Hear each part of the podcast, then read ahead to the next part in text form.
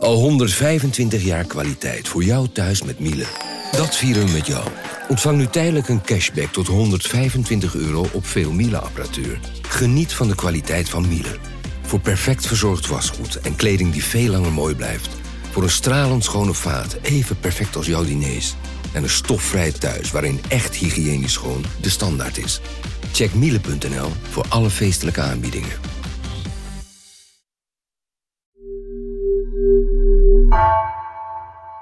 Vanaf de redactie van NRC het verhaal van vandaag. Mijn naam is Misha Melita, producer van NRC Vandaag. En tot iedereen terug is van vakantie, af en toe host.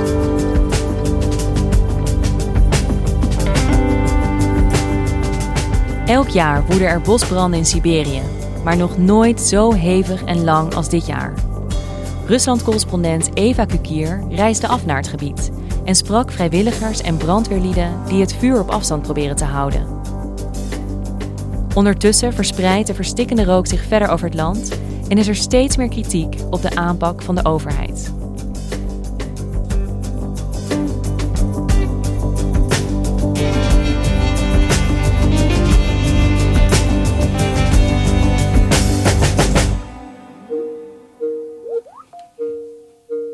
Hey Eva, hoor je me goed? Hey Misha, ik hoor je. Jij meldt in vanuit Siberië. Wat doe je daar? Uh, klopt, ik ben in Siberië um, en wel uh, in de um, autonome regio uh, Yakutië of de Republiek Sakha, zoals die officieel heet. Dat is een heel groot gebied in het noordoosten van Siberië. Ik ben hier een paar dagen geleden ben ik hier aangekomen in de hoofdstad Yakutsk. Dat is de hoofdstad van de Republiek Sakha. en dat is eigenlijk de grootste en koudste regio van Rusland.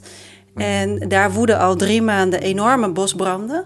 Daar hebben we ook wel echt al wel wat over gelezen, natuurlijk, hier en daar. Maar um, ik besloot hier naartoe te gaan om te kijken ja, hoe de mensen hier omgaan met die branden, maar ook vooral met de rook die overal hangt. En uh, om te zien hoe de brandweer en de lokale bevolking uh, proberen die branden al maanden te blussen. En vervolgens uh, ben ik uh, naar een dorpje gegaan, uh, ongeveer 200 kilometer ten westen van Yakutsk. En dan moet je voorstellen, Yakutsk is helemaal omgeven door taiga. En de taiga is echt een heel erg enorm onderdringbaar bos waar eigenlijk ook geen wegen doorheen gaan en waar hier en daar een dorpje is waar je echt uh, nou ja, uren moet rijden om daar te komen. En normaal is, zijn de, bossen van, van deze regio al echt heel erg onderdringbaar, maar nu met de rook uh, die overal hangt, de smok, een soort apocalyptische situatie waar je dan in, in, uh, in terecht komt. Uiteindelijk kwamen we in dat dorp, dat is het dorpje Yergulyoch. Um, ja, dan kom je binnen. Dat, is, dat zijn allemaal houten huizen. Het zijn hele kleine dorpjes met ja, wat lokale bevolking.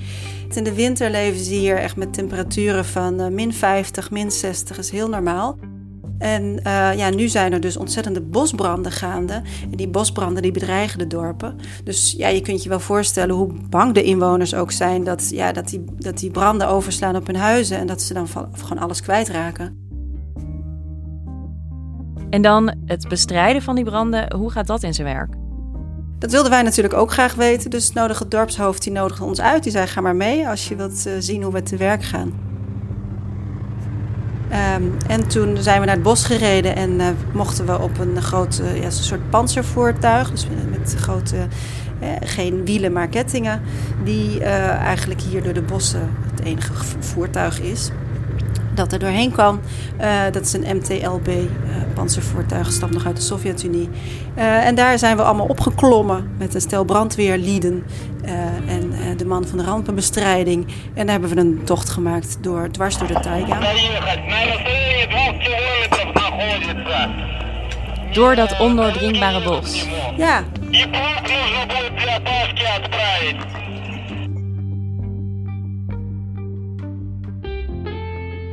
Ja, dan moet je dus de branden eerst lokaliseren en dan moet je echt een, een weg hakken eigenlijk uh, door het bos naar de plekken waar het brandt.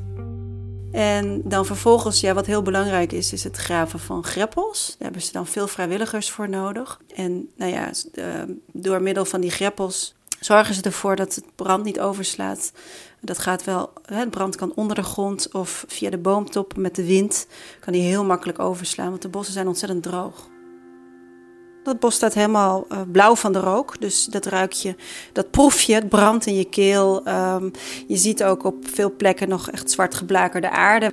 Dus mensen leefden uh, twee tot drie maanden in een enorme rookdeken. Die wordt veroorzaakt uh, door die branden. En die deken, dat heeft NASA vorige week cijfers over gepubliceerd. Die is al een paar duizend kilometer lang en verspreidt zich over heel Siberië. En niet alleen over Siberië, maar die drijft ook naar het, helemaal naar het westen, naar Moskou. En heeft vorige week de Noordpool bereikt. Het heeft ook niet zoveel zin om een mondkapje te dragen, want je kleren stinken, je ogen tranen. Dus het is echt, uh, ja, het is alles overheersend, die brandlucht. En veel mensen, zeker in Jakutsk, in de hoofdstad, die blijven binnen. Uh, want die rook die slaat natuurlijk enorm op je longen. Deze zomer was het echt uitzonderlijk heet. Ja, de zomer is voor Jakuten iets heel belangrijks, want ze leven acht, negen maanden echt in de ijskou. Uh, dus die korte zomer, die gebruiken ze ook om uh, voedsel te verbouwen hè, in hun tuintjes. En ja, nu kan dat allemaal niet, dus de mensen balen ontzettend. Maar ze hebben ook heel veel zorgen over hun gezondheid en ja, over wat die rook allemaal aanricht.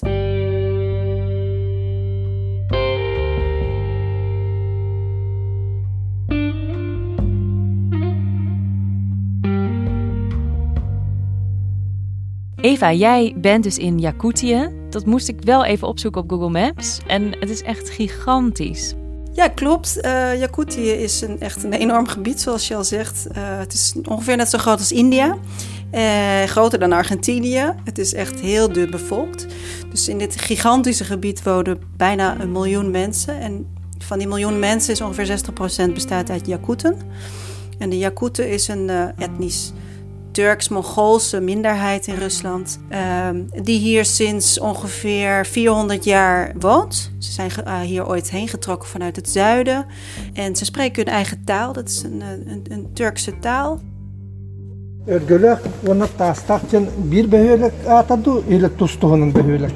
Klinkt heel mooi, uh, maar is totaal niet te begrijpen, want hij heeft verder niks met het Russisch van doen.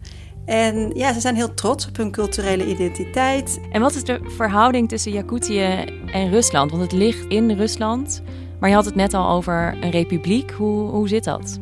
Ja, klopt. Uh, is een van de federale subjecten van Rusland. Hè. Rusland is een federatie, dus bestaat uit allemaal autonome en minder autonome regio's.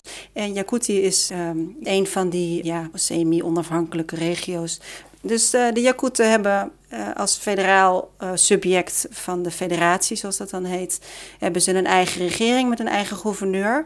Maar ze zijn ondergeschikt aan Moskou en ze krijgen hun budget verdeeld vanuit Moskou. Maar je ziet ook dat, het, ja, dat er onbegrip is. Hè? In Rusland wonen heel veel etnische minderheden en daar weten wij heel weinig van. Maar ook bijvoorbeeld in Moskou weten de mensen niet zoveel van de leefstijl van bijvoorbeeld de Jakuten.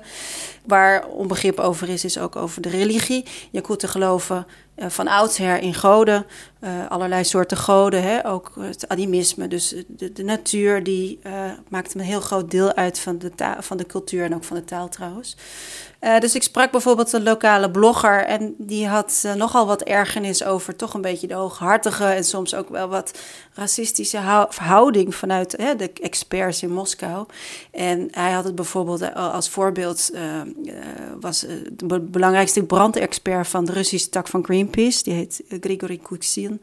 Die had laatst in een interview op de uh, op, ja, op de televisie had hij gezegd: ja, het is een heel groot probleem, de bosbranden. En dat komt omdat de Jakuten hun vuur niet uitmaken, want uh, ze geloven dat de vuurgoden dan boos worden. них бьют молнии. Под ними разводят костры. Якуты, которые не тушат костры, это вообще отдельная беда, потому что там вплоть до... Daar zijn heel veel mensen hier heel boos over geworden, omdat ze zeggen van ja... Uh, we geloven helemaal niet allemaal in vuurgoden. En de bosbranden uh, zijn ook niet alleen een Jakutisch probleem. Nee, precies. Hij gaf eigenlijk de Jakuten de schuld van de bosbranden. Ja, en die jongen met wie ik sprak, die zei ook van ja, jeetje, we wonen hier al honderden jaren. Hè. Als, als, uh, als wij niet zouden weten hoe we een kampvuur uit zouden moeten maken, dan was Siberië al lang afgebrand. Действительно, была такая у нас традиция, мы бы сожгли давным-давно, да? Народ Сахар живет здесь тысячелетиями. Если бы у нас была такая традиция, у нас тут пустыня вот здесь была бы. Ну, логично же. Но и, и вокруг... want is er eigenlijk al duidelijkheid over waar die bosbranden door worden veroorzaakt? Nou, dat Siberië in brand staat is helemaal niet zo uitzonderlijk. Ieder jaar zijn hier echt hele grote bosbranden over hele uitgestrekte gebieden. Maar omdat het vaak in plekken is die totaal onbewoond zijn, heel ver van uh, dorpen en steden, uh, worden ze eigenlijk niet uh, gemonitord en worden ze ook niet bestreden. Maar dit jaar uh, was de zomer ontzettend heet en droog. in juni is ongeveer nou, 2 mm neerslag gevallen, terwijl dat normaal wel 30 of 40 is. Het is echt, echt bijna niks. En die droogte en het feit dat er dus ontzettend veel bos is, droog bos en droog gras en droge takken, um, heeft de regio echt een soort vat buskruid veranderd. En daar hoeft maar één ja, vlammetje bij te komen. Dat uh, fikt een, ontzettend goed natuurlijk. En dat um, wordt vaak dan veroorzaakt door bliksem, dus veel blikseminslagen. Uh, maar ook ja, door menselijk toe, toedoen. Dus een, een, kampvuur dat niet goed is uitgemaakt. Mensen die lekker shashliki hebben uh, gebarbecued of, of een peuk weggooien uit de auto.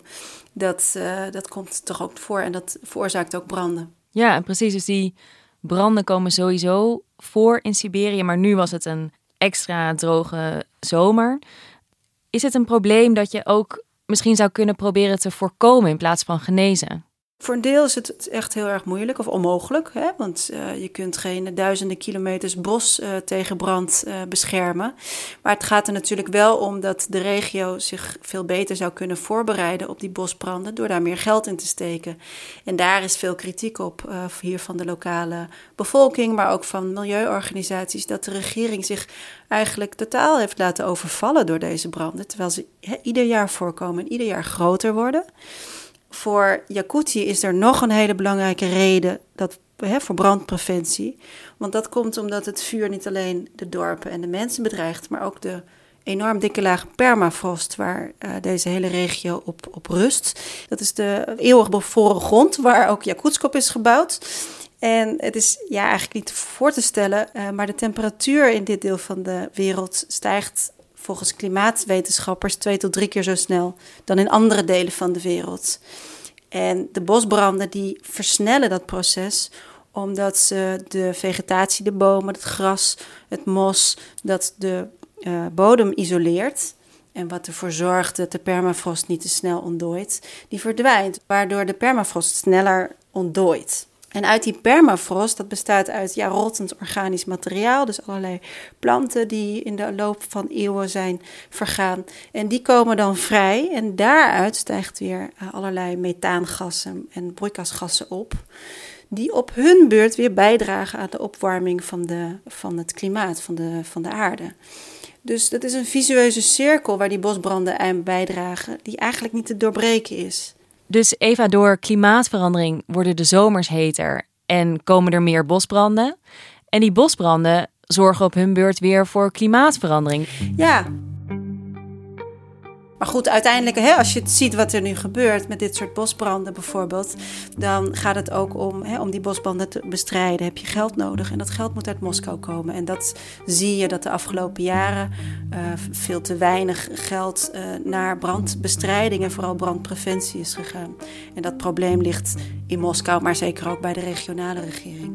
De mensen in Jakutië zijn dus ook niet tevreden over hoe hun regering dat op dit moment doet. Nee, er is veel kritiek. En ja, dat is ook wel heel wonderlijk hoe de regering hiermee omgaat. Want eigenlijk hebben ze gewoon ja, de andere kant op gekeken. En het allemaal maar een beetje de boel de boel gelaten en een beetje aangemodderd. En ineens worden ze dan verrast door die enorme branden. En ja, de bevolking heeft heel veel vragen. Die zitten allemaal thuis, uh, hoestend en, en, en kuchend.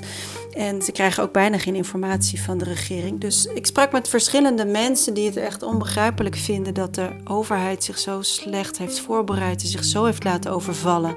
En een van die mensen was Afanasi Alexeyev.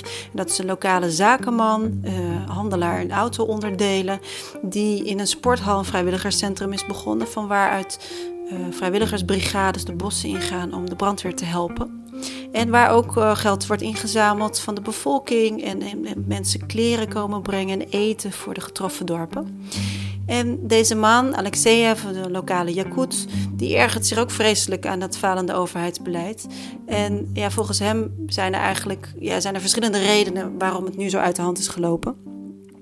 En een daarvan is eigenlijk de belangrijkste is uh, wat ze hier optimalisatie van middelen noemen. En dat is eigenlijk gewoon een Russisch eufemisme voor keiharde bezuinigingen.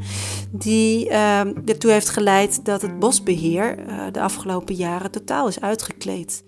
Сейчас, вот я вам скажу, да, сейчас а, защитой леса занимается 250 человек по всей Якутии. Раньше, если было 2500 человек, да, hij gaf als voorbeeld dat vroeger, in Sovjetjaren, uh, waren er in de hele regio ongeveer duizend man uh, brandweer op de grond actief. Plus nog iets van 1500 parachutisten. Plus nog ongeveer 100 vliegtuigjes die iedere dag over de taiga vliegen en patrouillevluchten uitvoeren. Nou, nu, zeg maar de afgelopen 20 jaar, is er steeds meer bezuinigd op dit soort activiteiten. En zijn er in totaal nu nog maar 250 mensen die branden monitoren. En, en hij zei ook dat er van die 250 mensen zitten er 57 op kantoor. Dus ja, reken maar uit. Dat is, dat is echt totaal onvoldoende om uh, zo'n gebied te monitoren en te beheren.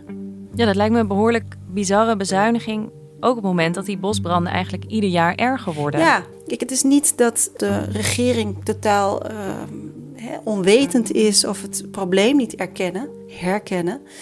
Maar het is ja, wat in Rusland heel vaak gebeurt als het gaat om geld. Er verdwijnt veel geld. Maar er is ook een enorme traagheid. En ja, probleem ligt ook heel erg in de centralisatie. Dus alles wordt vanuit Moskou bepaald. Terwijl wat mensen hier zeggen, je moet ons gewoon hè, geld geven waar we zelf uh, over kunnen beschikken. En waarvan we zelf kunnen bepalen wat, waar we het aan uitgeven. Iemand als Alexeyev, zo'n zakenman die lokaal ook heel erg begaan is, die, die heeft op een gegeven moment gezegd van nou, we zitten hier in de rook en, en niemand helpt ons, dan gaan we het zelf wel doen. Собравшись с общественниками, да, которым вот не, не безразлична судьба, да, мы собрали, вместе собрались dus hij heeft een echt een groot eh, centrum ingericht in een sporthal. Waar nu iedere dag, eh, dag en nacht eigenlijk wordt gewerkt door gewoon, gewone burgers, gewone mensen. Die uh, komen helpen om um, ofwel de brigades te versterken in de bossen, ofwel uh, geld en eten in te zamelen. Dus uh, ik was in dat sportcentrum en uh, al vrij vroeg in de ochtend. En daar komen dan uh, heel veel, ja, vooral jonge jongens, die komen daar. Um, en dan um, worden ze uh, de bossen ingestuurd om de brandweer te helpen. Maar ze zijn natuurlijk totaal onervaren. Dus ze krijgen eerst een, een EHBO-spoedcursus en een, ja, spoedcursus branden blussen. En hoe je greppels moet graven. En uiteindelijk gaan ze dan de bossen in slaan ze een tentenkamp op en uh, werken ze gewoon uh, op instructie van de, van de brandweer. Het is natuurlijk heel lovenswaardig dat iedereen dit vrijwillig doet. Dat deze jonge mensen deze spoedcursus volgen en de bossen ingaan. Maar het lijkt me niet echt een structurele oplossing.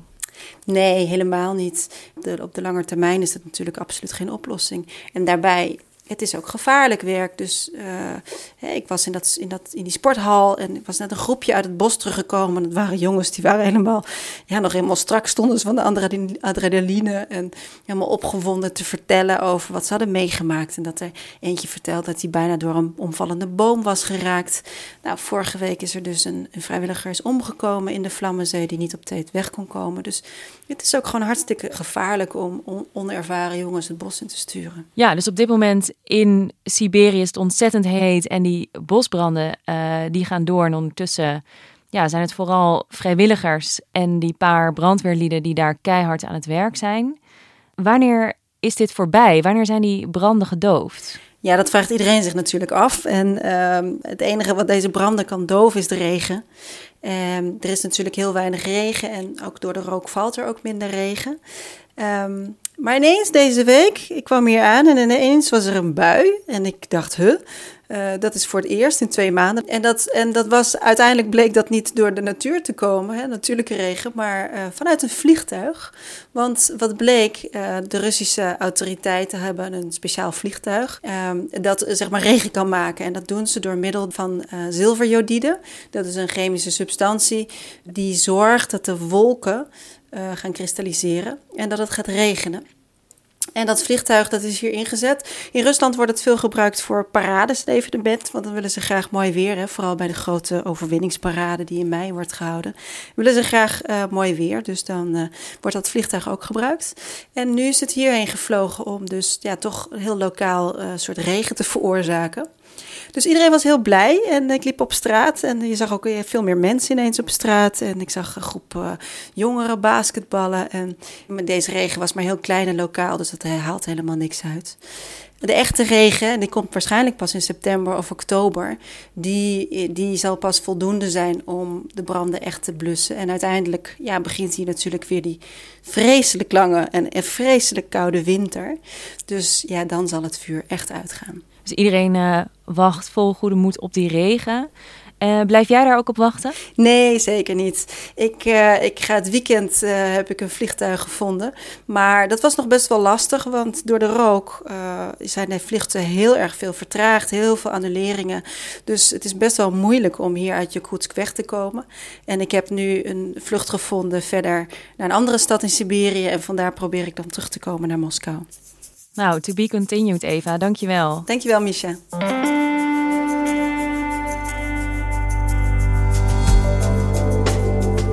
Je luisterde naar vandaag. Eén verhaal elke dag. Dit was vandaag, morgen weer. Deze aflevering werd gemaakt door Julia Vier en Stef Visjager.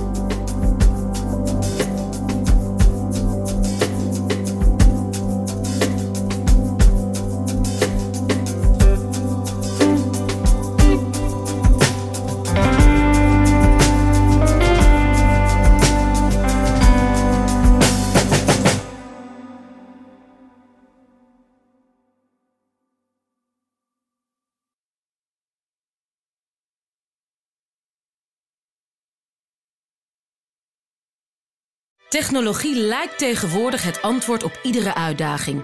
Bij PwC zien we dit anders. Als we de potentie van technologie willen benutten, kunnen we niet zonder een menselijk perspectief. Human-led, tech-powered noemen we dat. Ga naar pwc.nl.